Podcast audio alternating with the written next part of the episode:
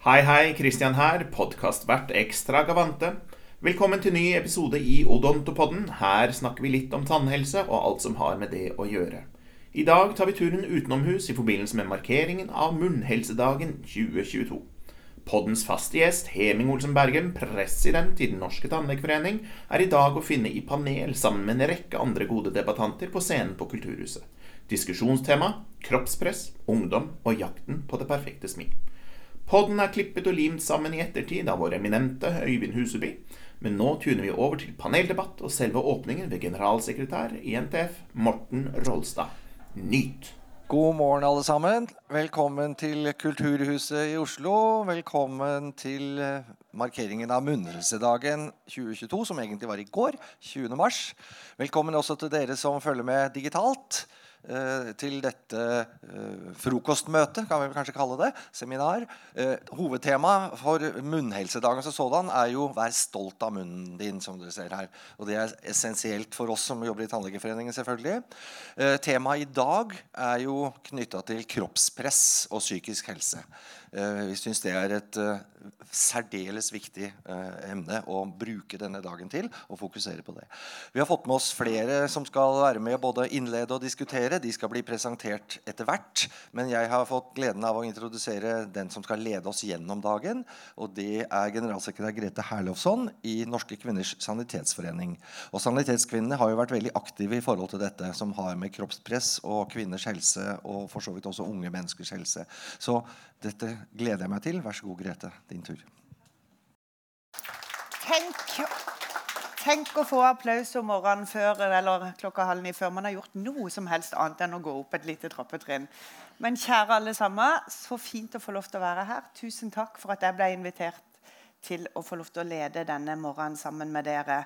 Jeg heter Grete Herlovsson og jobber som generalsekretær for Norske kvinners sanitetsforening, som jeg jo ble introdusert for. Som har jobba mye med tematikken psykisk helse, kroppspress. Og vi gjør det nettopp fordi vi er en organisasjon som jobber for likestilling og like muligheter for jenter og gutter, eh, kvinner og menn, alle kjønn. Eh, og da har vi sett at kroppspress gjør mye med hvordan eh, jenter særlig, som opplever dette spesielt alvorlig, eh, hvilken deltakelse de har i samfunnet, hvilke valg de tar i de krevende årene når eh, utseendet betyr mye for mestring og deltakelse og selvfølelse.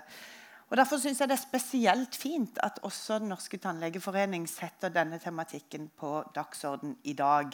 Og som Jeg sier, jeg var litt sånn ydmyk når jeg sto opp i dag tidlig, pussa tennene ekstra godt og tenkte at nå skal jeg stramme meg opp litt og ned og snakke med alle de, flere av de aktørene som står sammen for at vi skal ha et samfunn som oppleves sunt, trygt og inkluderende for alle. Og så er vi heldige å ha med oss veldig flinke både innledere og paneldeltakere gjennom dagen i dag. Eh, vi skal gjøre det sånn at vi først skal få en innledning fra en forsker ved NOVA. og Etterpå det så skal vi ha fire korte innledninger, eller tre korte innledninger blir det da, og en panelsamtale på slutten. Og så er det helt mot slutten av arrangementet tid til spørsmål fra salen eller fra dere som sitter hjemme. Og hvis dere har spørsmål underveis, ikke dere i salen, men dere hjemme, så kan dere sende de i chatten, og så vil vi ta de opp mot slutten av arrangementet så tror jeg vi skal begynne rett på. Vi er heldige å ha med oss i dag Ingunn Marie Eriksen, som er forsker og prosjektleder ved NOVA, som er en norsk organisasjon for oppvekst, aldring og velferd. Noe i den duren. Det er iallfall noe av det vanskeligste organisasjonen å, å nevne eh, ved Oslo OsloMet. Og Ingunn har forska på ungdom og deres psykiske helse, på kroppspress, skolemiljø og mobbing. Hun har primært jobba med kvalitative forskningsmetoder både i intervjuform og via feltarbeid. Ingunn var leder for forskningsprosjektet Stress og press blant ungdom. og Målet med dette prosjektet var å få dypere innsikt i hvorfor ungdom opplever press og stress. Hvilke sammenhenger ser vi mellom skolestress, kroppsbilde, bruken av sosiale medier og psykisk helse? Og hvilken betydning har kjønn for hvordan stress og press oppleves? Og Det skal Ingunn sette oss mer inn i nå. Så kjære Ingunn, velkommen på scenen. Ordet er ditt. Tusen takk. NOVA er veldig veldig vanskelig. Norsk institutt for eh, velferd, oppvekst og aldri, tror jeg det er. Men det er ikke sånn man trenger å kunne. føler Jeg eh, Jeg har forska en del på, på, psykisk helse og, og stress og press. Eh, og det er helt riktig som Grete sa, at det er jo først og fremst kvalitativt jeg holdt på. altså Snakka med folk. Men det jeg har tenkt å gjøre nå er at jeg har 15 minutter. Så jeg har lyst til å si litt om statistikken bak. Og det er jo ikke jeg som har, har gjort disse analysene. Det er stort sett eh, Anders Bakken, min kollega. Og det er basert på ungdatatall, som kanskje noen av dere kjenner til. Um, er det over nå? Skal vi se. Den var visst kommet litt langt tilbake. Vi skal begynne på starten. Der. Så kan vi gjøre sånn. Har vi den Jeg setter på, ja. Jeg bare begynner mens du eh, starter med det. Eh, det er jo ikke nødvendig, nødvendig å vise disse figurene for å, å, å, si at vi har sett en økning i psykiske helseplager. Og det er noe av det som er utgangspunktet. Her får vi den. Eh, for bekymringen nå. fordi det vi ser, er at Jeg tror jeg må liksom stå ved siden av og vise litt. Ja. Altså, hvis jeg heller jeg har en klikker, men jeg har lyst til å liksom peke litt her. Eh, det vi ser veldig kort, er at fra 2010 og til 2021, eh, som er der vi har ungdatatall, så ser vi en økning i det som eh, vi kaller for psykiske helseplager. Og dette er jo ikke sånne diagnoser med, med altså, angst eller depresjon, men det er liksom litt mildere. Det er symptomer på på, på sånne type ting. F.eks. å føle at alt er et slit, eller være veldig bekymra for ting. Så ser vi her, altså Fra de siste, de siste ti årene så er det en jevn økning fra for jentene, som er den gule stripa der, 16% i 2010, også til 22% før pandemien. Og så ser vi en økning blant jentene på ungdomsskolen helt opp til 1 av 4, altså 25% Og enda mer så ser vi at tallene er ganske, altså enda høyere på videregående. Mens guttene ligger eh, hakket lavere hele veien. Så dette er et utgangspunkt og en bekymring vi hadde, og som vi så da vi satte i gang dette prosjektet som heter Stress og press blant ungdom. For å se på liksom, hvor kommer dette her fra. Så hadde vi en antakelse om at det hadde med press å gjøre. Og, og vi fikk eh, nye spørsmål inn i Ungdata som viser ulike områder som vi antok, og forskningen vi tidligere har vist, at ungdom opplever mye press, og at dette kan være en årsak til psykiske helseplager. Og det er jo den der press om å gjøre det bra på skolen som er den som er flest ungdom som opplever at, at det er et, et, område i livet som er liksom vanskelig å ha med å gjøre. Eh, mens det vi skal se på her, er den presset om å se bra ut. Og så ser vi at det er, altså Den blå stripa det var 2018, og den gule det er 2021. Så vi ser at det er en liten økning faktisk før og etter pandemien i press om å se bra ut. Men én ting er jo å oppleve press. En annen ting er jo at det faktisk eh, er farlig, eller at det oppleves som for mye å håndtere. Eh, og det er eh, litt, eh, på en måte litt fint å se at de som sier at de opplever problemer eh, med å takle dette presset, det er ikke så mange. De aller fleste sier ikke i det hele tatt. Og så har vi denne gruppa her som er litt mer bekymringsfull i stor grad og i svært stor grad. Og igjen så ser vi det en økning blant de som opplever problemer med å takle presset fra eh, altså bare det siste året. Um, og Den siste, siste, statistikken jeg skal vise nå, eller nest siste jeg skal vise, handler om kjønnsfordeling her og en økning over tid. Så her har vi gul, eh, som er jente, og blå, som er gutter. Eh, og også hvordan dette øker gjennom ungdomsskolen og videregående, så ser vi at jentene ligger ganske mye høyere enn gutter på hvordan de eh, opplever det å håndtere det presset de er utsatt for. Og nå må vi jo huske på at dette her dreier seg jo om alt mulig press. Jo, altså kroppspress er en del av det. Så vet vi at skolepress er enda mer dominerende i unge folks liv. Det siste jeg skal vise deg, er den mest kompliserte, men også kanskje den viktigste. og Det er sammenhengen mellom det første jeg sa, psykiske helseplager, og opplevd misnøye med hvordan man ser ut. Jeg skal ta dere fort gjennom det. Disse stolpene dette er jo gutter, ikke sant? Disse stolpene handler om hvor fornøyd man er med utseendet sitt. Så disse her det er de som er svært fornøyd med hvordan de ser ut. Og bare side note, er gutter stort sett, Det er mange flere gutter enn jenter som er svært fornøyd med hvordan de ser ut. Og det er veldig mange flere jenter enn gutter som er svært misfornøyd med hvordan de ser ut. Så ha det i bakhodet når jeg nå liksom ser på dette her, at de som er svært fornøyde, så er det bare 2% av de som har psykiske helseplager i ganske høyt nivå. Og jo, mer, altså jo mindre fornøyd man blir med kroppen sin, jo høyere grad av psykiske helseplager har man. Så vi ser at det er en ganske sterk sammenheng der mellom hvordan man tenker at man ser ut, og hvordan man har det psykisk. Så er det jentene, da. For å skippe rett til poenget. De som er litt misfornøyd og svært misfornøyd av jenter om hvordan de ser ut, så ser vi at veldig mye plaga. 59% ganske mye plaga, som jo er ikke spesielt bra situasjon. Hvis du er ganske mye plaga av psykiske helseplager, så har man ikke helt supert.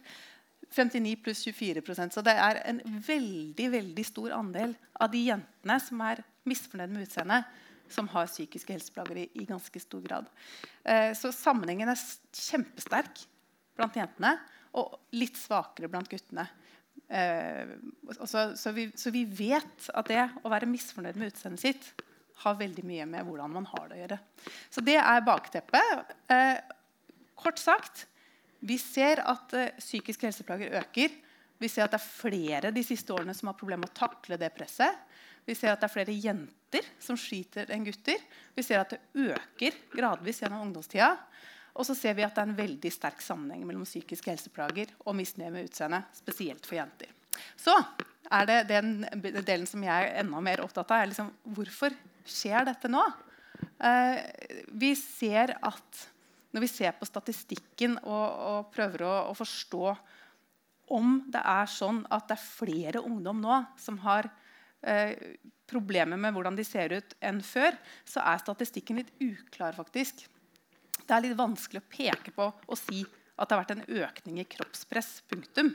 Så de som sier det, vil jeg gjerne se kildene til. Men det vi ser, er en annen type endring. Vi ser at Det er, en, det er mange andre typer indikatorer som peker på en slags type kroppspress. Vi ser at ungdom nå har et mye mer instrumentelt forhold til hvordan de ser ut.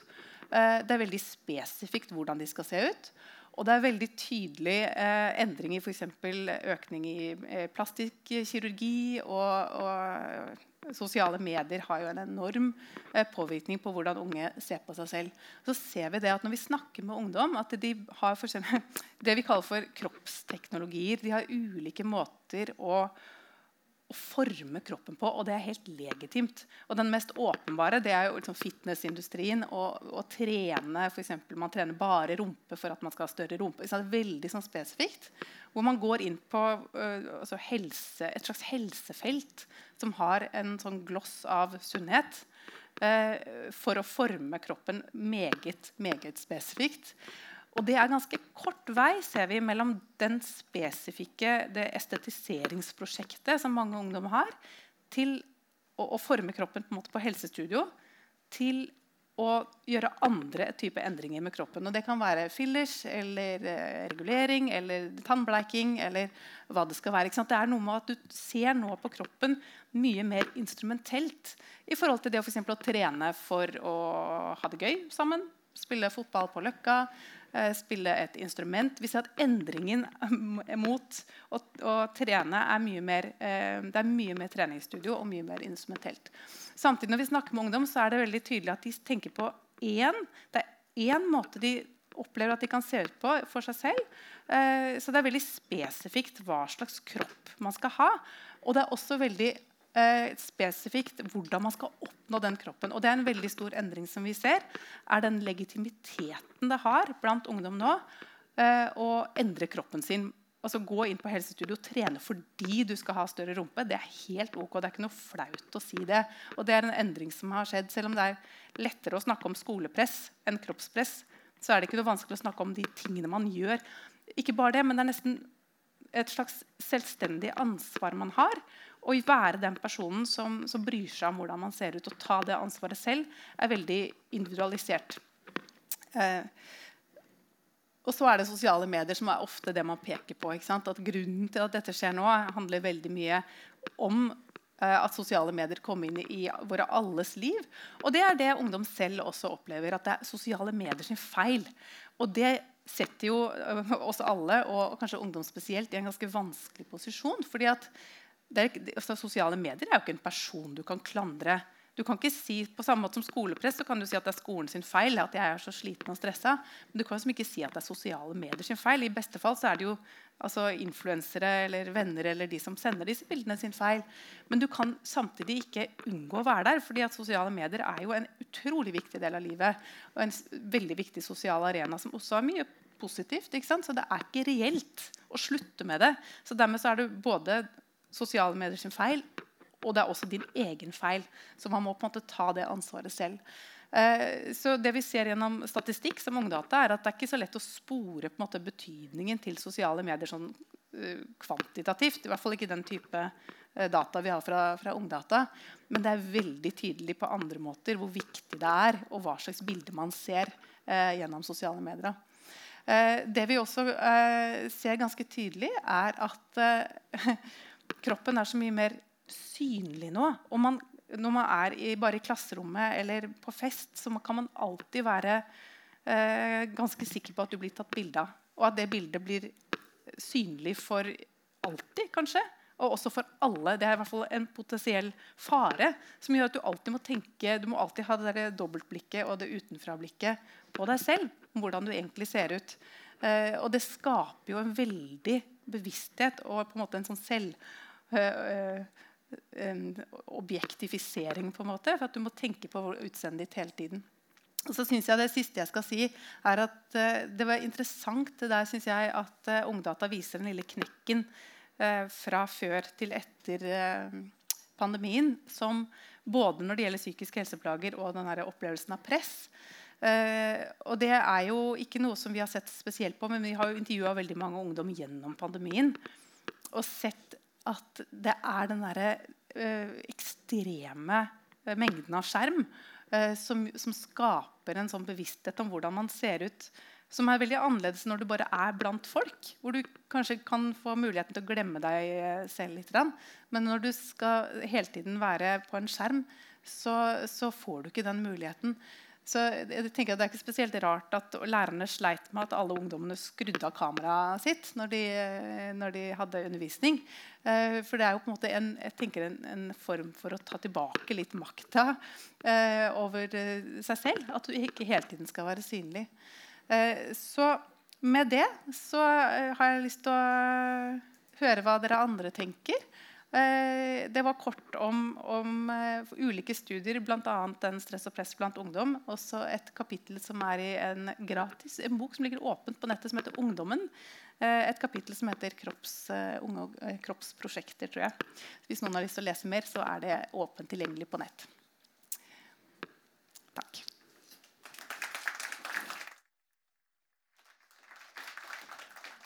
Ingunn, du sa til meg at du var redd for at du snakka deg bort, sånn at du skulle bruke mer enn de eh, 15 minuttene du hadde fått. Men da kan jeg si at du er ferdig nå akkurat 08.50. Ah, så det var veldig godt holdt. Og så er det jo bekymringsfullt det du forteller oss, at det kan virke som stien blir enda smalere, og at ungdom selv definerer strammere rammer for seg selv enn det som vi trenger alle sammen for å kunne sikre deltakelse og mestring og god psykisk helse, og at vi kan ta friske og sunne valg for oss selv og de rundt oss.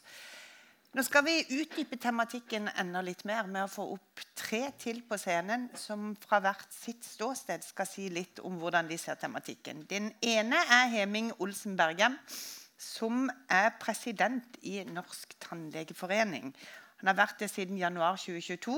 Han er spesialist i oral kirurgi og oral medisin og har erfaring både fra sykehus, universitet, privat praksis og Forsvaret. Så skal vi ha opp Isak Elstad Røsnes, som er fungerende leder for Press Ungdom, som jo er Redd Barnas ungdomsorganisasjon, og som har engasjert seg masse i ungdom og kroppspress. Velkommen på scenen, Isak.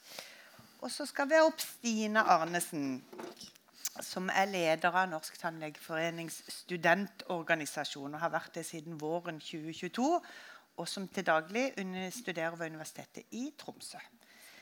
Velkommen, dere. Nå skal vi gjøre det sånn at hver av paneldeltakerne, og også Ingunn, tenker jeg Så vil du over dit? Vi, ja, vi gjør det. Eh, og også Ingunn eh, får tre minutter til å si hva de syns er viktigst. Og så du, kan du komme på slutten, Ingunn, for hvis du ser at du vil kommentere noen av de tre andre før vi har eh, litt sånn spørsmål og felles temaer som vi kan debattere i panelet. Men Heming, du begynner. I 2021 så tok Norsk tannlegeforening for alvor opp kampen mot det økende markedet for kosmetisk tannbehandling, og vedtok bl.a. et eget policy-dokument hvor det slår fast at kosmetisk behandling uten medisinsk eller odontologisk indikasjon ikke er forenlig med god profesjonell praksis og derfor ikke skal tilbys av tannleger. Dokumentet påpeker at tannleger ikke skal bidra til økt kroppspress i samfunnet, men være sitt ansvar bevisst og alltid sørge for at behandlingen som utføres, er medisinsk begrunna. Og så tenker jeg Du sitter som president for Norsk tannlegeforening. Der er det tannleger også som tjener penger på at vi skal ha vakre smil. Hvordan balanserer dere dette, og hvordan skal Tannlegeforeningen bidra sånn som dere ønsker gjennom dette policy-dokumentet? Ordet er ditt. Ja, eh, det er, det er, et veldig vanskelig spørsmål. Ja. Eh, eh, men det er et viktig standpunkt å ta. da. Så Det er det vi har, som, det, det, er årsaken til at vi har kommet med det. Mm. Og prøvd å være i det, det, vi tenkte var litt i forkant. Ja. Men så er det kanskje litt, allikevel litt sånn reaktivt. og det er litt fordi at vi har ikke den kunnskapen som de unge her har til hva, hvordan markedet rører seg. Mm. og så henger vi nok litt igjen Altså, da jeg studerte på 90-tallet, så var det sånn at det, det, som handlet om kosmetikk, det var i stor grad uh, å regulere tennene. Altså, mm. Og det var det kunnskapen befolkningen også hadde. Mm. Uh, og nå ser vi at uh, befolkningen har, som, som Ingunn nevnte her ved foredraget sitt, at de, de vet mye mer. de har mye mer kunnskap om hva som er mulig. og ut av den kunnskapen så, så springer det også da en, et, et, press mm. som vi Eh, som fagpersoner kanskje har vært eh, for seine til å eh, reagere på og gi god informasjon om. Mm. For det handler jo om hva som er konsekvenser av disse tingene. Og så handler det for foreningen sin del så handler det også om å ta et standpunkt i denne saken. Altså, mm. Hvor våre medlemmer skal ha en, en, en reflektert holdning til dette. Mm. For det vil være Altså, I noen situasjoner så vil en prosedyre kunne være rent kosmetisk. Mm. Mens den samme prosedyren kan være for en annen person ikke-kosmetisk. Mm. Altså Hvor det er eh, reparasjon i stedet av noe som har skjedd. Mm. Så det, det, er vanskelig å sette som et klart ståsted at dette er kosmetikk, og dette er ikke. Mm. Eh, det er derfor vi har pekt på dette at, vi, at det må være odontologisk medisinsk begrunna, og at det må være opp til da, den enkelte tannlege å ta den avgjørelsen på bakgrunn av den fagkunnskapen de har. Mm. Så det, mm, og så peker vi litt kanskje også til fakultetene og instituttene og universitetene. fordi at, eh, og jeg underviser jo også litt der, og jeg vet jo at vi er håpløst langt bakpå når det gjelder det å forberede de kommende tannlegene. Mm på eh, å ta et standpunkt selv. Eh, og også det å vite hvordan skal vi være i forkant og informere, sånn at vi ikke får da disse som nødvendigvis går og bare trener rumpa på helsestudio. Eh, eller bare gjør én ting og bare aksepterer at én ting er naturlig når det gjelder eh, smil. Mm. Så det er eh, jobben framover. Så vi har startet, mm. men det er ikke slutten. Hvordan ble det tatt imot blant medlemmene deres? Eh, ja, nettopp litt sånn at, eh, at, de tenker at nå skal vi være litt som voktere. Ja. Eh, hos noen så er det det. Eh, og så har vi forklart litt at dette er ikke noe dette er ikke et, en lov, dette er en, en veiledning. Mm. Og et ønske om at vi skal ha, holde den faglige fanen høyt. Mm. Eh, og så er det jo også vi, vi, får veldig mange positive reaksjoner. Mm. Eh, og mange av medlemmene har tenkt disse tingene allerede på forhånd. sånn at de er fornøyd med at foreningen også kommer med et tydelig standpunkt. Da. Så har vi gjort dette også sammen med Norsk forening for allmennmedisin, altså fastlegene. Ja.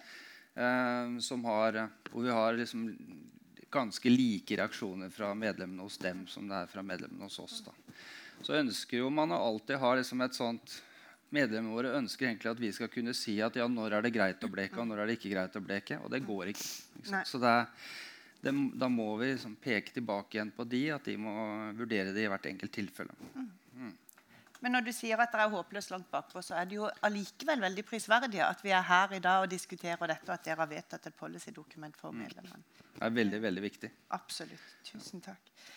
Da skal vi høre litt fra Isak, som er leder av Press, som er Redd Barnas ungdomsorganisasjon, og som jo engasjerer seg og får mye oppmerksomhet knytta til det arbeidet som dere gjør som ungdomsorganisasjon kropp, mot kroppspress, og for at alle skal få lov til å føle mestring og deltakelse i den kroppen og det utseendet de har. Og Redd Barna Ungdom gir jo bl.a. ut Gullbarbien, som får mye oppmerksomhet hvert år. Og dere har også vært helt instrumentelle i å få til de politiske endringene og begrensningene som har blitt vedtatt de siste åra knytta til Eh, både merking av retusjert reklame, aldersgrense for kosmetiske inngrep osv. Isak, fortell litt. Dere er en ungdomsorganisasjon. Eh, hvordan jobber dere? Hva tenker du er de viktigste grepene vi kan ta for at ungdom ikke skal få nettopp den smaleste stien å gå på i de viktige ungdomsåra? Uh, ja, jeg heter som sagt Isak, kommer fra Press Redd Barna Ungdom, som er uh, ja, Redd Barnas ungdomsorganisasjon, til tross for at vi er en uh, helt selvstendig organisasjon. vi jobber da utelukkende med barns rettigheter som de er nedfelt i FNs barnekonvensjon. Um, og en av de rettighetene er at man skal ha en levelig helsestandard, men også at man ikke skal bli møtt med skadelig informasjon. Um, Uh, så vi skrev i, Vi har jobbet veldig mye med kroppspress, som du nevner. Uh, og i 2018 så skrev vi en rapport som heter 'Prosjekt perfekt', hvor vi snakket med uh, barn og unge selv om deres forhold til kroppspress. Og da fant vi jo mye av det samme som også Nova fant. At ja, det er syv av ti jenter og fem av ti gutter ønsker å endre på eget utseende. Og én av ti av de jentene ønsker å gjøre det gjennom kosmetisk kirurgi. Um, og det vi på en måte ønsker å peke mest på, er dette med eh, media. Når uh, de, disse som ønsker å endre eh, kroppen sin gjennom kosmetisk kirurgi, sånn 37% av 13-18-åringer får reklame for denne kosmetiske kirurgien, som jo ikke er lovlig for dem å ta. Um, ifølge da Barn og medier, Medietilsynet sin undersøkelse. Um, for det med medier er jo også at man får så utrolig mange medieuttrykk hver dag. Sånn 10 000 pluss estimert.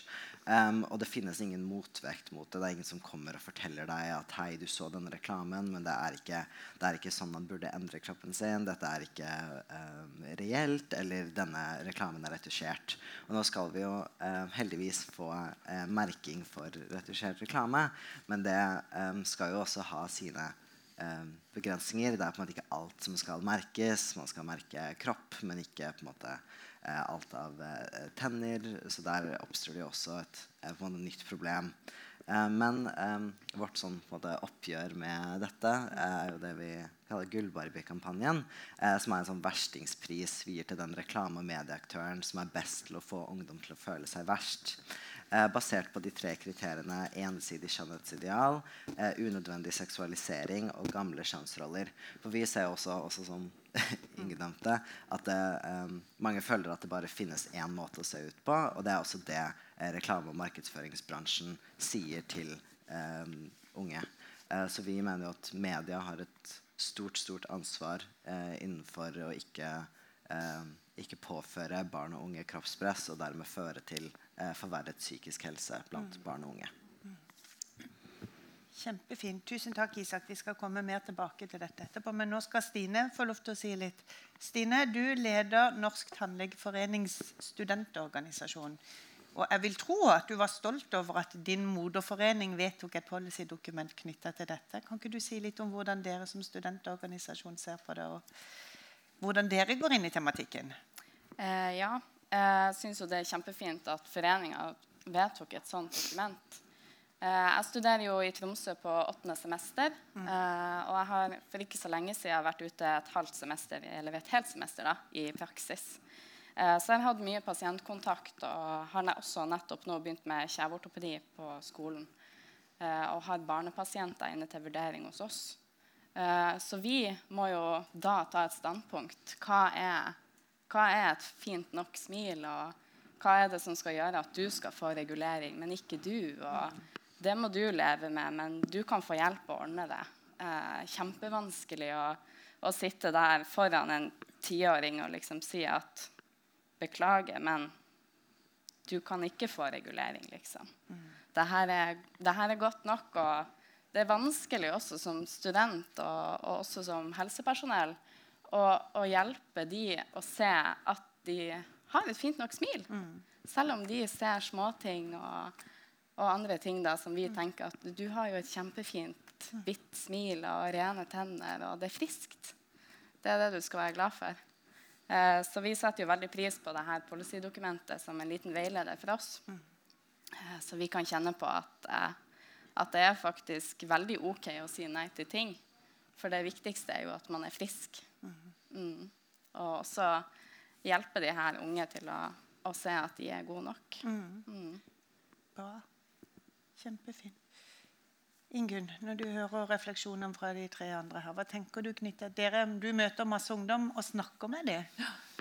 Nå har jeg så mange spørsmål, men det kan jeg ta etterpå. Ja, ja, det. Men, eh, men, det dreier seg spesielt om, om kjønn. Da, fordi det lurer jeg veldig på.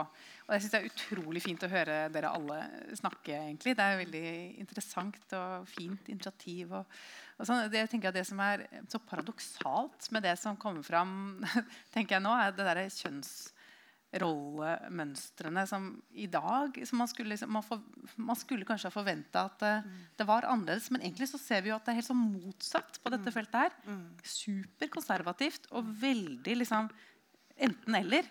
Uh, og gutt og jente er så veldig sånn, tydelige kategorier for disse uh, målene for hvordan de skal se ut. Det er som Jentene skal se sånn ut, og guttene skal se Det er veldig mm. interessant. Uh, som egentlig jeg ikke har tenkt så, sånn på før, mm. nå. og den, i, liksom, i, fortsettelsen av det så er det sånn Vi har snakka mye med ungdom. Og når vi snakker med, med jenter så er jentene ofte veldig opptatt av kroppspress. Og kroppspress det er noe som jenter utsettes for. Mm.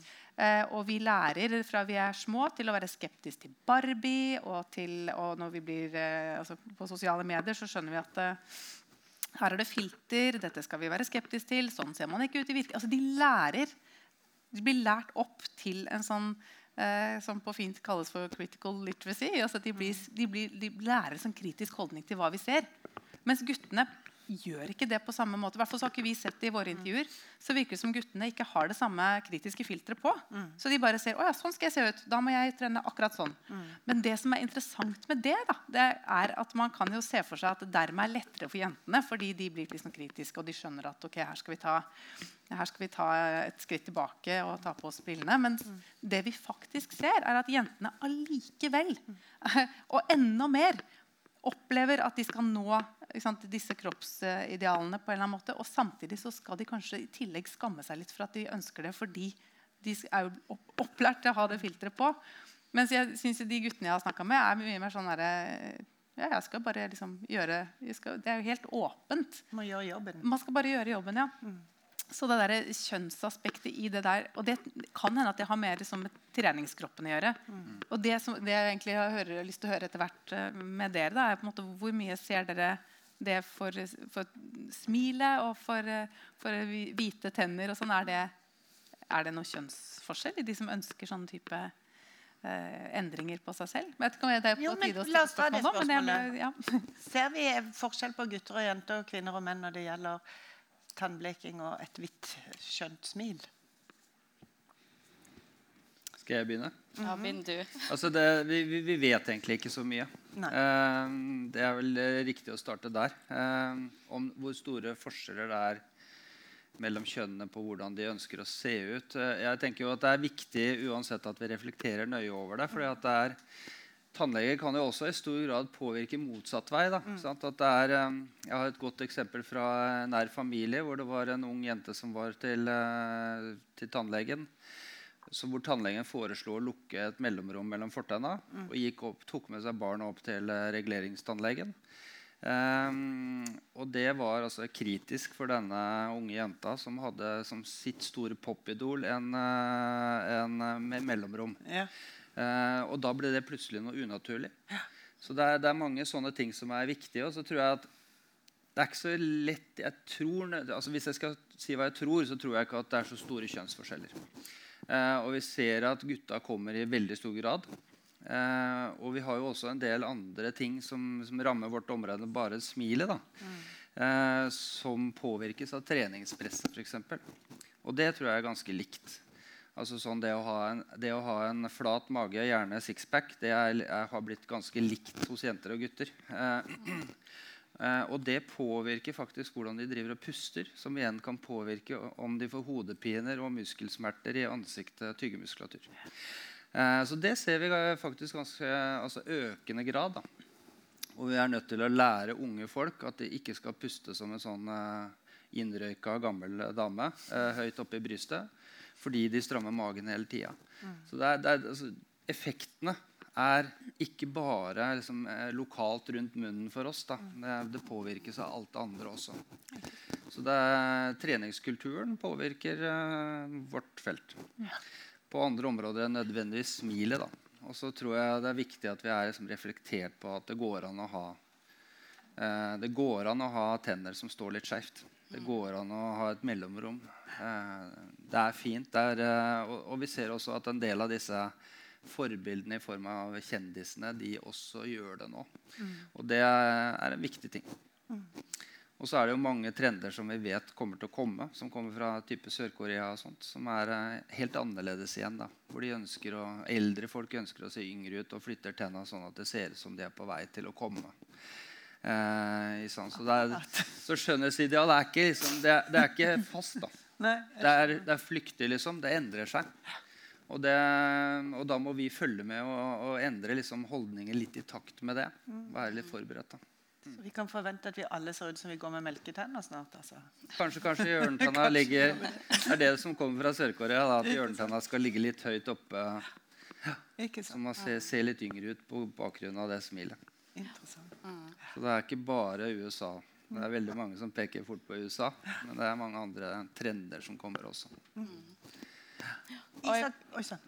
ja, I forhold til det du begynte med, så lærer jo vi på studiet har veldig fokus på eh, hvordan vi skal stille spørsmålet til barn og unge mm. hva de syns om eget smil. Mm. At man nemlig ikke påpeker sånne mellomrom, men at vi heller stiller spørsmål som hvordan har du det med smilet ditt? Får du til å smile og tygge og spise? Har du det bra med det? Mm. Uh, Istedenfor å stille ledende spørsmål om ja, hva syns du om det der? Mm. Eh, at vi prøver å være litt forsiktige i hvordan vi stiller spørsmål til barn. Mm. Hadde du trodd når du begynte på tannlegestudiet, at den tematikken som du forteller om nå, at de må lære hvordan de skal kommunisere med pasienter og barn og unge spesielt, at det ville være en så stor og viktig del av tannlegegjerningen? Eh, nei. da bestemte jo jeg meg for å bli tannlege veldig veldig ung. da. Yeah. Uh, men man ser jo altså, når man kommer lenger inn i studiet, at det er utrolig mye psykologi mm. i masse av det vi gjør. Mm. Uh, så det er jo superinteressant og kjempeviktig å, å være god og bevisst på. Mm. Så bra. Isak, når dere har eh, i press jobba lenge med kroppspress, når kom smil og tannhelse inn som en del av dette? Har det alltid vært en del av tematikken, eller er det noe dere har sett i siste mm -hmm. tida? Nei, eh, Til tross for at vi er en, en, en, organisasjon som er en av de som har eh, etablert oss på en måte sterkest på kroppspress, har vi mm. snakket overraskende lite om det med eh, tannhelse. Så jeg er veldig glad for at eh, vi tar det opp nå. Um, men det er ikke noe vi har um, vi har sett på en måte så veldig mye på. Så jeg har ikke så mange refleksjoner rundt akkurat det med tannhelse. Um, men jeg kan jo også på en måte gå ut ifra at kanskje det med tenner er litt mer allment enn andre deler av kroppspressen. At alle vil ha rette, hvite tenner, og de skal ikke være for store eller for små eller ikke noe ja, mellomrom eller de tingene. Um, men det er jo interessant det, uh, det som nevnes at den oppmerksomheten mot kroppspress-tematikken ikke nødvendigvis fører til mindre kroppspress. Um, at man er nødt til å ta flere tiltak enn å bare på en måte informere om det i skolen. At uh, det kanskje krever uh, mer enn å bare si ah, men du du burde ha et godt forhold til smilet ditt. For det er kanskje ikke så lett når alle andre på skolen fikk regulering og rette tenner, og um, alle influenserne du ser på Instagram, driver og bleker tennene sine og har en uh, promokode du kan uh, veldig lett bruke. Da blir det veldig vanskelig å å motstå det presset. Um, så jeg tror man må se på, se på hvordan uh, reklame og markedsføring og særlig, Kanskje særlig fra influensere, som er den største liksom, eh, ja, eh, veksten i markedsføring vi ser i dag. eh, hvordan de fører til dette presset. Ikke sant? Absolutt. Si vi, vi håper jo I Tannlegeforeningen så håper vi også på at vi kan nå en annen gruppe da, enn bare liksom de unge. Ja. Og det er foreldrene. Eh, for skal vi påvirke, så må vi også ha foreldrene litt med på laget. Og vi ser jo at ja, foreldre som er yngre enn meg, da, at de blir eh, i større og større grad også påvirket av eh, et kroppsideal. Um, så det er jo en av de viktige tingene med dette policydokumentet vårt. Altså det å få At vi tenker at tannlegene må også snakke med de som ikke nødvendigvis er i målgruppa, men som er foreldrene til målgruppa. Eh, og så tror vi jo at det ser sånn ut da, som de, de også, altså 40-gruppa, eh, begynner å bli som en målgruppe for en del av denne kosmetiske eh, endringen også rundt munnen. Da. Mye med fillere og Botox, og, men også eh, bleking og hvordan tenner skal stå, og at de gjør regulering i voksen alder osv. Så, videre. så det kommer. Absolutt. Sanitetskvinnene jobber masse med eh, den påvirkningen for å få til merking av retusjert reklame i 2015. Og da fikk vi en veldig flink eh, psykiater til å gi noen råd om hvordan kan vi som voksne være gode rollemodeller for barna våre. Og Noe av det viktigste som kom fram, og som er egentlig enkle kjøreregler, men som du må tenke over, det er at når du sitter sammen med barnet ditt og ser på TV, så behøver du ikke å si 'se på Nina Oving så litt sliten ut på TV i dag', eller eh, 'den blusen var vel ikke helt gledelig nødvendigvis'. Istedenfor å si 'så flink hun er som journalist', eller 'så bra det innslaget var'. Snakk om det. Spise det samme som barna spiser når du sitter ved middagsbordet. Ikke kommentere utseendet hele tida. Og ha fokus på at kroppen faktisk fungerer, og at det er friskt og ikke sykt. At du er heldig som har et maskineri som går rundt. Men Gunnar, dere snakker, det er jo også sånn at Ungdataundersøkelsen viser at dagens ungdomsgenerasjon har et bedre forhold til foreldrene sine enn tidligere generasjoner. Em, hva sier ungdom når dere snakker med dem om voksne og deres påvirkningskraft, og hva de trenger i livet sitt for å ta trygge valg? Altså, det er helt sant at uh, dagens ungdomsgenerasjon har jo et utrolig nært forhold til foreldrene. Og det gjelder jo f.eks. Sånn, de, de er ofte veldig enige i sånn klesvalg. Altså, de, På de rareste ting. Og det er jo altså, det er jo veldig rart sett fra min generasjon at Ja. eh, man at de liker å henge sammen. Og det er veldig sånn vennskapelig. Eh, mellom generasjonene nå. Så, så det, og det, I det så ligger det jo òg enormt mye påvirkning. For det er en annen type påvirkning enn hvis vi skal sette det helt på spissen. En sånn autoritær foreldrestil som er sånn nå må du gjøre sånn og sånn. Eh, så er det jo veldig mye lettere å gjøre motstand og opprør når man kommer i, i de opprørske ungdomsåra. Mens hvis du er bestevenn med, med moren og faren din, og de sier at liksom eh, no, Eller sånn som du sier, da, som sitter og kommenterer andres kropper eller er misfornøyd med seg selv spesielt. Liksom, sier at oh, nå skal jeg endelig få slanka meg, eller nå skal jeg få gjort noe med de der tenna. Og så For to år siden så var det kanskje en annen samtale med at ja, du har arva mine tenner. Som, som kanskje barna husker. ikke sant? Så, så sånne ting vil jo ha enorm mm, påvirkningskraft fordi relasjonen har endra seg og er så mye nærere. Så det, det, det kan man jo ta, ta eh, utgangspunkt i som, som foreldre. At man, man tenker på det når man skal Men så er det jo liksom hvem hvem har skylda? Det er jo alltid utfordringen i sånne typer problemstillinger. Sånn det er, du kan peke på foreldrene, og så er det skolen, og så er det ungdommene sjøl, vennene, og så er det sosiale medier.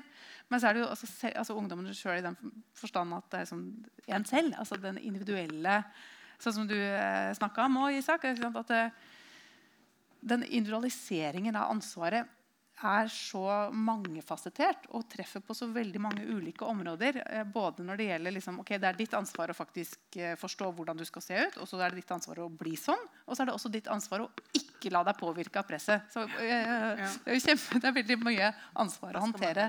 Og alt er jo opp til deg. Og det er jo en av de store trendene vi ser i, i ungdomsforskninga på mange områder i livet. er en sånn økende individualisering. At det er du som har ansvaret for din egen skjebne. Mm. Og får du det ikke til, så er det jo et eller annet gærent med deg. Mm. Mm. Eh, enten om det er at du faller for presset, eller at du ikke forstår at du skal endre kroppen sånn og sånn.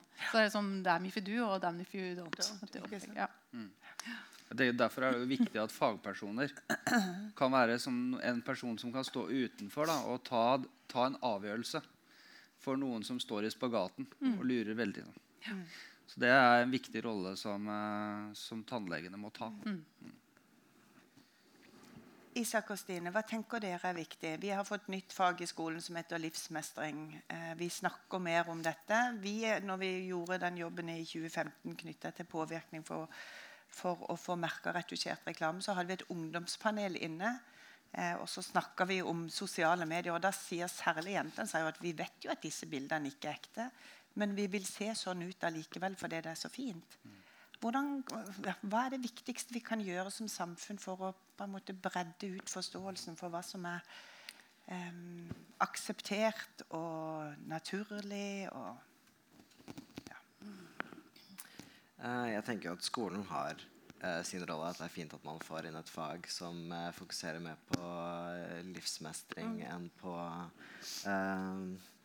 ja, på utseendet. Men så har man jo også eh, situasjoner Det kom vel det var en Aftenpostens sideartikkel som kom i dag, mener jeg, hvor det var en 14-åring som hadde fått i oppgave i naturfagen å telle kalorier. Um, og det um, kan jo også føre til uh, spiseforstyrrelser og kroppspress uh, blant barn og unge. Så skolen på en måte går litt uh, begge veier der. men der tror jeg det er mer et sånt samfunnsmessig problem enn at uh, Utdanningsdirektoratet sier at her skal vi telle kalorier. Mm. Um, uh, for vi har, en, vi har en, modell vi bruker som heter tripartite-modellen av en psykolog jeg ikke husker hva heter. Um, som på en måte viser hvordan, hvordan man selv kommer til måte kroppsmisnøye. Mm. da har man tre påvirkningskrafter, som jo er familie, mm. jevnaldrende og media. Um, men Eh, det som er litt interessant, er at det er ikke bare vi selv som påvirkes av media. Jevnaldrende og familie påvirkes jo også av media. Så det blir det en sånn ond sirkel der hvor media får veldig mye påvirkningskraft. Um, og det er der jeg tror man er nødt til å på en måte starte problemet. Men så er det jo også interessant at vi sier at man på en måte vet at markedsføringen ikke er, uh, ikke er reell, og at uh, man uh, egentlig ikke burde bli påvirket av dette, men man gjør det uansett. Hvor på en måte ender man opp da? Mm. Um, og det, det, har jeg på en måte ikke noe, noe svar på. Um, så det er jo på en måte en, en vanskelig problemstilling. Men jeg tror absolutt man er nødt til å, man er nødt til å ta en runde med markedsføringen. Hva som er lov uh, å markedsføre for. For fjerner man markedsføringen uh, generelt, mm. så får man jo et mindre problem. Mm. Uh, men man kan jo ikke bare si ingenting er lov å reklamere for lenger. så da er man nødt til å balansere hvilke sånn, Skal det være lov å reklamere for uh, kosmetiske uh, inngrep på uh, tenner um, hvis det på en måte ikke er nødvendig? Eller det, mm. det, tror jeg er en, en, vurdering man må ta. da. Absolutt. Ja, jeg syns jo som, som ung og også voksen Man blir jo utrolig bombardert uansett hvor man er på sosiale medier. Du er på Instagram, TikTok, Facebook, Snapchat, overalt. Og det stopper jo aldri. Det bare strømmer og strømmer på. Eh, så sjøl har jeg tatt et bevisst valg om å ikke følge de her eh, type influensere og andre som gjør at jeg kjenner litt på at ah, mm, ble litt usikker. Så har jeg sjøl valgt å, å liksom dytte det litt bort fra det som jeg møter på sosiale medier, for å ha det litt bedre med meg sjøl. Mm. Eh, og når jeg begynte å gjøre det, så syns jeg jo at det ble det ble litt enklere å være meg. For jeg slapp å sammenligne meg så mye hele tida. Eh, og, det og, det er jo, synd at det skal være sånn. At man må være så utrolig selvbevisst på hvordan man har det med seg sjøl. At man faktisk må gå igjennom de man følger på Instagram og Snapchat, og avstå fra det for å ha det bra. Eh, så det skulle gjerne vært lettere å være ung. Ja, ikke sant? Det er jo et paradoks at uh, det er jo ikke nødvendigvis sånn at industrien er så veldig interessert i at vi får det så veldig mye bedre psykisk. Fordi de tjener penger på at vi har det kjipt. Mm -hmm. På at vi tar valg og ønsker både å bli tynnere og få bedre smil. Og, så det, det å få en få en samla eh, bevegelse mot det kroppspresset er kjempevanskelig, fordi det er så sterke økonomiske markedskrefter som tjener penger på dette. Men Inge, når du viste søylene dine i stad, så viste du sammenhengen mellom psykisk helse og det å ikke være fornøyd med utseendet. Da satt jeg og tenkte på ja, høna og egget-diskusjonen. Er det sånn at man får dårlig psykisk helse av å være misfornøyd med kroppen sin, eller er det sånn at man blir mer misfornøyd hvis man har det dårlig psykisk? Vet begge, noe om det? ja. Begge deler? Nei, altså akkurat den, de, de analysene der viser jo ikke det. De viser bare at det er en sammenheng. Ja. De viser ikke noe, noe årsak, eh, årsaksretning. Og det er jo helt åpenbart at hvis man har det dårlig, så føler man seg dårligere altså, om seg selv. Så det går jo helt klart begge veier. Ja. Og det samme gjelder jo også skolepress. Jo mer man sliter, jo tyngre føles jo det presset. Men det er òg antageligvis sånn, i hvert fall gjennom intervjuer med ungdom, så opplever de det sånn at eh, du føler deg dårlig eh, pga. at du er misfornøyd med hvordan du ser ut. Det, og at det faktisk skjer en positiv endring når de klarer å gjøre noe med det. Det er jo på en måte ikke det, det er jo litt vanskelig å snakke om det i denne sammenhengen. Men det er jo også studier som viser at eh, noen som tar f.eks. Eh, kosmetiske operasjoner, opplever faktisk bedre selvtillit? Det er jo ikke så, ikke så overraskende. Men, men samtidig så ser man at de som sliter psykisk med andre typer ting, da, ikke bare kropps eller hvordan man ser ut, men har det vanskelig psykisk ellers, opplever ofte en i hvert fall uendring i de andre typer symptomene, eller at de blir verre. Så det er jo på en måte, det er jo mange sider av hvordan man opplever seg. Det ene er jo også helt konkret spørsmål hvordan syns du smilet ditt er i dag? Eller hva det enn du har gjort noe med. Og så er det alt det andre ikke sant? med depressive symptomer eller søvnplager eller bekymringer som, som jo på en måte ikke nødvendigvis har et sånn én-til-én-forhold, men som vi vet at henger sammen på et vis. da. Ja, men bare for å understreke Det det er altså ikke en årsakssammenheng. i det jeg viste. Det er ikke sånn at fordi man er misfornøyd, så får man psykiske helseplager. Så var bra du spurte om det. Ja, Mm. Så er det kanskje sånn, jeg vet ikke hvordan det er, om det er det, det kan i mange tilfeller være enklere å gjøre noe med kroppen enn det er å gjøre noe med syke. Eh, det, er fortere, raskere. Kirurgi går kjapt. Eh, og så vil man kanskje ikke se effektene før lenge etterpå. Da. Eh, at, at man eventuelt faller tilbake igjen. Og jeg er jo veldig opptatt av at her kan man liksom ikke dele det opp. Vi er ett menneske. Det er ikke noe kropp og syke, liksom. Men vi er helhet. Så det, Derfor er det jo klart at noen vil få det, kunne få det bedre av å få endringer på smilet også. Eh, mens andre ikke får det. Så da, men det er vanskelig å skille hvem er hvem av disse. Men igjen viktig at det er faktisk fagpersoner som tar den vurderingen. fordi at eh, Hvis ikke det er fagpersoner som tar vurderingen, og en skal selv diagnostisere seg for hva, hvordan får jeg det bedre psykisk, så er det jo enda et ansvar som legges på individet, og hvor det er lettere å gå forbi enn å si her kan du få både fillers og, og oppstramming eh, billigere og enklere enn f.eks. å få en time til samtale hos en psykolog en psykiater. Vi skal bare følge opp eh, det med, når vi snakka om foreldre i stad, om at det, det nære forholdet mellom, liksom, generelt da, mellom mm. foreldre og, og barn, som jo gir foreldre veldig mye sånn, ansvar på en måte, fordi det forholdet er annerledes eh, nå, kanskje, så er det jo allikevel sånn at ja, men mamma, det sier du bare fordi du er glad i meg. At du, du ser jo så fin ut som du er. Altså, det er jo også den derre alle, alle liksom, venninnene og liksom, foreldre, De vil jo si det, så det er jo også sånn element av, av mistro. At det er helt ærlig, fordi de elsker deg jo som du er. Selvfølgelig gjør de det, og da blir du liksom Så det ansvaret som på en måte Når man da møter en som er sånn tilsynelatende objektiv, da, som, som, eh, som, som møter deg, f.eks., eh, vil ha Det er jo en antakelse jeg har. Ja. Vil ha mye større makt måte til å være den som sier vet du hva, det er fakta. Du ser bra ut som du er. Men fordi at du, du er jo ikke mammaen. Så jeg tror det er utrolig viktig. Det at eh, det er den personen de møter, som på en måte kan og, og det er jo helt sant også. Dere vil jo være en, til en viss grad objektive. For dere har sett titusener av smil og kan på en måte faktisk si at du, ser jo helt bra ut sånn som det er. Det er ikke noe det er ikke noe her som faktisk må endres på. Så f når man får den beskjeden, så tenker jeg at det sitter mye bedre enn enn hvis mamma sier det. Isak, dere har jobba mye med å få til eh, på en måte, politiske vedtak som skal regulere både bransjen og gjøre rommet for å drive skadelig kroppspress mindre. Tenker du at vi har eh, etter hvert nå fått den politiske reguleringen som skal til, eller er det mer eh, du tenker at samfunnet kan ta ansvar for, sånn at individet skal kunne leve lettere? Uh, jeg tror man fortsatt har behov for mer uh, politisk regulering enn mm. at uh, den markingen av, av retusjert reklame som kommer nå, ikke er måte, fullstendig. Den er ikke absolutt. Det er ting som ikke gjelder innenfor det. Så kan man jo på en måte eh, vinkle seg eh, rundt det på mange mm. forskjellige vis. Eh, men også at vi jeg tror at markedsføringsloven som er i dag, er veldig vanskelig å forholde seg til. Mm. Ja, det, er på en måte, det er noe vi som individpersoner kan si at jeg forstår ikke markedsføringsloven. Men så har vi snakket med masse jurister som heller ikke forstår eh, markedsføringsloven. og da har man jo et problem. Eh, ja. Særlig når på en måte influensere som blir sånn et enmannsforetak, skal mm. Eh, også forholde seg til markedsføringsloven. Mm. Og der har man mange måte, eh, glipp, da, hvor eh, de ikke forholder seg til hvordan markedsføringen er på sosiale medier, hvordan på en måte, den sånn rette reklamen mm. eh, opptrer, eller influensemarkedsføringen, som man heller på en måte ikke har tatt et oppgjør med. Og her er det jo sånn hvor eh, hva er det som skal gjelde som reklame?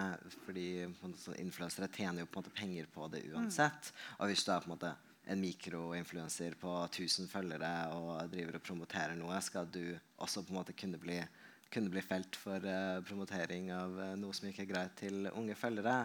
Uh, her trenger vi på en måte en gjennomgang av folk som kan lovtekst og vet ja. hvordan markedsføringsloven fungerer. Mm. Og det tror jeg ikke at vi, måte, vi press kan stå for, men vi ønsker gjerne at regjeringen tar ansvar her og setter ned en, et utvalg som kan faktisk se på hvordan markedsføringen er i dag, og hvordan vi skal få en mer tidløs lov. da.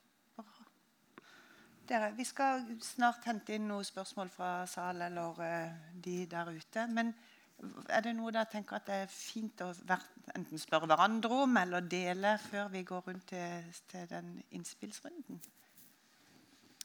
Jeg fikk en liten tanke her i stad. At uh, det man kommer til tannlegen og møter en fagperson som kan gjøre en vurdering.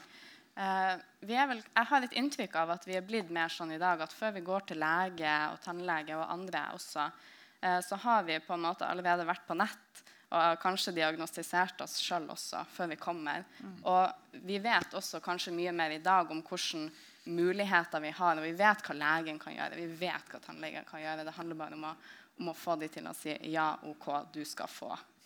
Eh, og så Når de da kommer, og så er vi uenige som fagpersonell at nei, det, nei, det tenker jeg at det er ikke riktig for deg. Ja.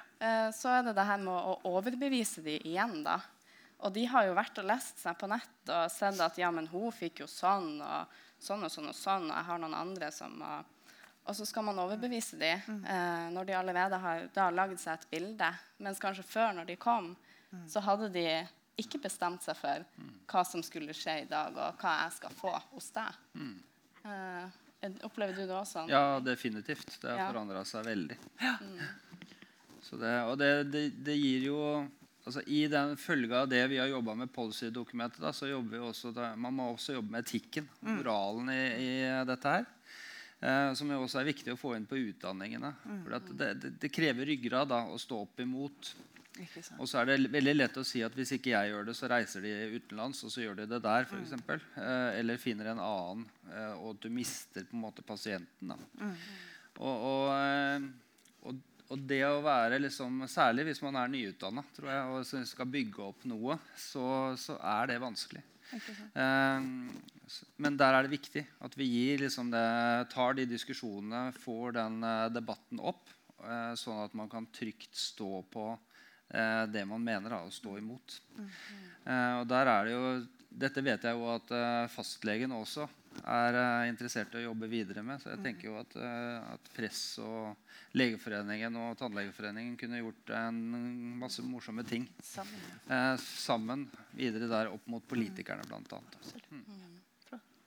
Ingunn? Bare et spørsmål, egentlig. fordi det er jo en viss type folk som har den kompetansen til å argumentere eh, på den måten, og også gjøre den type research. Selv om du er helt, helt enig i at sikkert alle gjør jo det til en viss grad, men det er ganske ulikt eh, hva skal vi si, eh, det er ulikt fordelte ressurser for de som, som, får til den type spesifikke researchen, og så kommer til tannlegen eller legen og argumenterer sånn og sånn. Så det, så det jeg tror eh, må jo være en sånn type klasse- eller sosial bakgrunnsforskjell mellom de som har den der evnen til å overtale, og, og, de som gjør den researchen, og de som kanskje ikke gjør det.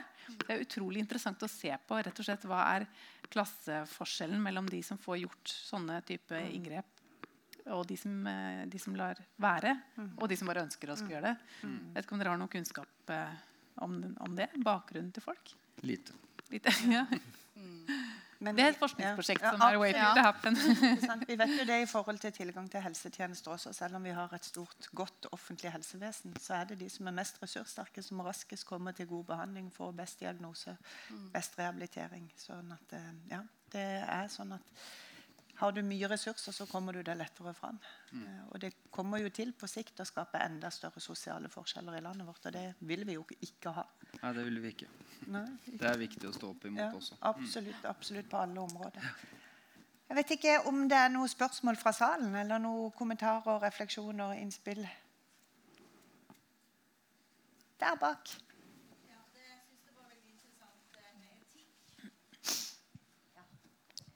Det dere kommenterte med etikk. Eh, det jeg opplever Jeg er privatpraktiserende tannlege i Bærum og Oslo. Og det vi ser nå, er jo at eh, tannhelsetjenester det har blitt en vare. Eh, vi eh, står i fare for å være selgere av produkter. Sånn som du sier, eh, så kommer folk eh, med allerede diagnostisert Kanskje ikke engang diagnostisert. De, de, De har ferdig Mm. ja, de ønsker en eh, vare som de har sett. Ikke sant? De ønsker en viss type smil, de ønsker viss type farge på tennene, eh, tannstilling. Og så kommer de med bestilling. Det er det de gjør. ikke sant? Og da må vi se hva skal vi være. ikke sant? Det er etikken i det. Skal vi være fagpersoner, helseperson? Skal vi stå for eh, det, den hippokratiske eden som vi tok på tannlegestudiet? Eller skal vi For de aller fleste som jobber privat, så er vi også bedriftseiere. ikke sant? Så det er en konflikt, og det må snakkes mer om. Og sånn som du nevnte, Hemming, eh, så i tannlegestudiet per i dag, i hvert fall i Oslo, jeg kjenner ikke til de andre fakultetene, så er etikkundervisningen er, Det er Senter for medisinsk etikk som står for det. Og de er ikke tannleger. De er medisinere. Eh, Bjørn Hoffmann han er filosof. Og, og Per Nordtvedt han er sykepleier. Det er de som står for undervisningen i dag. Og det er veldig synd, fordi du får ikke det tannperspektivet som, eller tannhelseperspektivet som studentene bør ha. Så, så det er jo noe fakultetet må jobbe med, syns nå jeg. Tusen takk. Jeg kan kommentere litt på det. Altså, jeg, jeg, jeg er helt enig. Altså, vi er, jeg har skrevet presidenten av ordet nettopp på at vi er munnhelsearbeidere. Eh, og det er vi. Eh, nå tror jeg jo at det er viktig at vi blir sett på litt utenfra av andre yrkesgrupper. Eh, så jeg, jeg syns det er positivt. Og så, og så vet jeg jo at på, det tas jo inn i all annen undervisning i så stor grad som mulig. da. Og kanskje kan det bli enda bedre. Så jeg vet jo at Når de diskuterer disse stønadsordningene til Helfo, så tas det inn. Sånn at Man må reflektere over når kan man utløse de osv. Eh, man gjør det på klinikken når man har pasienter og tar vurderingene på det. Så, så det er, og det tror jeg helt sikkert likt i Tromsø og i Bergen. Eh, og, så jeg tror det er inne. Men ja, det må enda mer inn. Og det må enda mer inn rettet mot nettopp dette. da. For det er, det er der jeg tror det kanskje mangler. Det å se eh, at vi er en del av den helheten hvor vi påvirker uh, unge mennesker, og for så vidt også litt eldre mennesker, eh, til de, hva som er idealet, kroppsidealet. Stine, du står jo midt i utdanningsløpet. Hvordan opplever du det som kommer både fra salen og fra Hemming? Um, jeg føler jo som Heming sier, at det er jo en sånn løpende greie som går hele tida i studiet. Eh, men det er jo noe som er veldig individualisert da, når den kommer den enkelte pasienten. Så det finnes jo ingen fasit, som også det policy-dokumentet viser til. da. Ehm, men kanskje det gjerne skulle vært litt mer eh, refleksjon rundt det i studiet, og brukt gjerne litt mer tid på det, Mm. egentlig. Eh, for det er vanskelig å, å stå opp imot, og man skal jo kunne også faglig begrunne seg veldig godt overfor Mm. noen som kommer med ei ferdig bestilling òg. Ikke sant? Mm. Flott. Andre kommentarer der fremme? Hei, jeg er privatpraktiserende i Oslo. Eh, Det jeg lurte på angående TMD, altså det du nevnte, Hemning, angående at man får nakke- og muskelsmerter. Eh, Jeg har vært i de siste årene veldig opptatt av eh, Fordi bittskinnet for meg virker som en bare symptombehandling. Og årsaken hvorfor folk gjør dette her. I hvert fall det jeg lærte på tannlegeskolen for over 20 år siden. at det var bittskinnet, og det for meg virker bare symptombehandling. Og jeg er veldig opptatt av som sagt, å finne hva er årsaken. Spesielt hvis pasienten har gått hos meg, og så etter noen år så begynner de å Nei, jeg gnisser tenner, jeg presser tenner. Så begynner jeg å grave litt mer. Eh, blant annet eh, anbefaler meditasjon.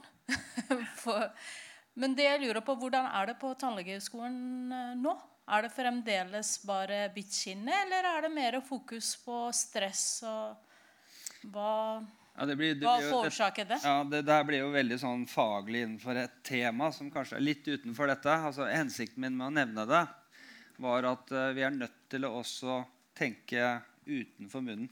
Eh, vi er nødt til å også tenke på hvordan har den personen som kommer, hvordan har de det? Uh, vi er nødt til å reflektere mer over å tørre å spørre om ting.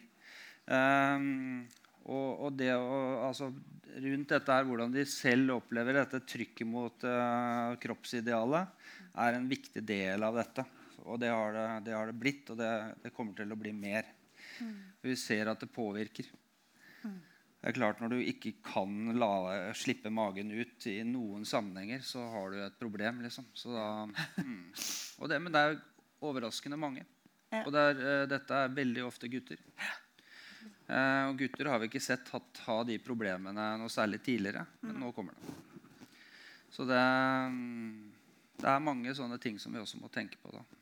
Så det, det, det bare viser liksom et eksempel på at vi, er, kan ikke, vi kan ikke tenke her. Vi er nødt til å tenke hele personen som er der. da, Ikke, ikke stykke det opp. Og Det er det fastlegene også er, altså foreningen deres er opptatt av. De også ser hele personen. Og så blir det når du havner i spesialisthelsetjenesten, da er det gjerne du ser bare den ene tingen. Ja. Og sånn er det litt ute også. Det, du, kommer, du kommer for å få filler i leppa. Men uh, hvorfor vil du ha filler i leppa? Det er det som få som spør om. da. Og det må vi, i hvert fall vi må spørre om sånt. da. Jeg tenker også at, eh, både tannlege- og legegjerningen det er, eh, Da er man i en situasjon hvor man eh, har et, eh, et forhold mellom en pasient og en behandler som nettopp gir eh, mulighet for den type refleksjoner. Fordi ofte er det skambelagt og vanskelig å snakke om i større sammenhenger. Og når vi har snakket, dette har vi gikk på, vi screena hvordan jordmødre snakka med gravide om de opplevde vold i svangerskapet, som er jo litt på siden av dette, men da sier veldig mange jordmødre Der er finnes det retningslinjer innenfor Helsedirektoratet som sier at det skal gjøres. Men det er ca. 40% som spør, og 60% som aldri spør. Og når du spør hvorfor de ikke gjør det, så sier de at de syns det er ubehagelig med svaret, for de vet ikke hva de skal bruke svaret til, eller hvor de eventuelt skal henvise hvis de får en positiv tilbakemelding. Eh, og det er ikke sant, jeg tenker at dette som dere nå reflekterer over, at vi må tenke mer enn at vi skal fylle et hull i en tann eller eh, ja, gjøre den vanlige pasientbehandlingen, det vil jo også føre til at den den tannlegegjerningen vil jo utvikle seg og helt sikkert også bety noe for hvordan utdanningen blir innretta for framtida. Ja, dette er jo en av grunnene til at det er så viktig at ikke For det er sånn som du sier, altså at man har vært opptatt av hele kroppen ellers, men ikke at, at tenna og munnen. Eh, men det, det er en del av kroppen. Ikke sant? Eh, sånn at det, alt henger sammen. Og det er, det er litt det som vi er opptatt av, og at vi, vi må være en del av helheten i helse- og omsorgsvesenet også. Ikke bare stå på utsiden. Det, dette er jo viktig. Dere, Vi har et par minutter før disse skal løpe på Stortinget og sørge for at vi har eh, god munnhelse og tannhelse også i Og psykisk helse. Og psykisk helse også i framtida. Eh, Ingunn, du som kan egentlig mest om dette faglig, hva har du tatt med deg fra dagen i dag? Jeg er veldig overraska. Positivt overraska. For jeg har aldri hatt noe med, med dere som forening å gjøre, så jeg syns dette er utrolig fint. Og så Siste liksom, tanken jeg fikk nå, er at det der å lage sånn policydokument trenger kanskje nettopp helt sånn konkret for jeg, jeg tror kanskje spørsmålet om hvorfor ønsker du å bleike tennene dine eller ønsker du fillers, eller sånn, er, det er veldig vanskelig å svare på for individer sjøl òg. Og jeg vet ikke hvorfor. Jeg bare syns det ser fint ut. Eller jeg bare ser for meg at jeg vil få sånne type eh, svar.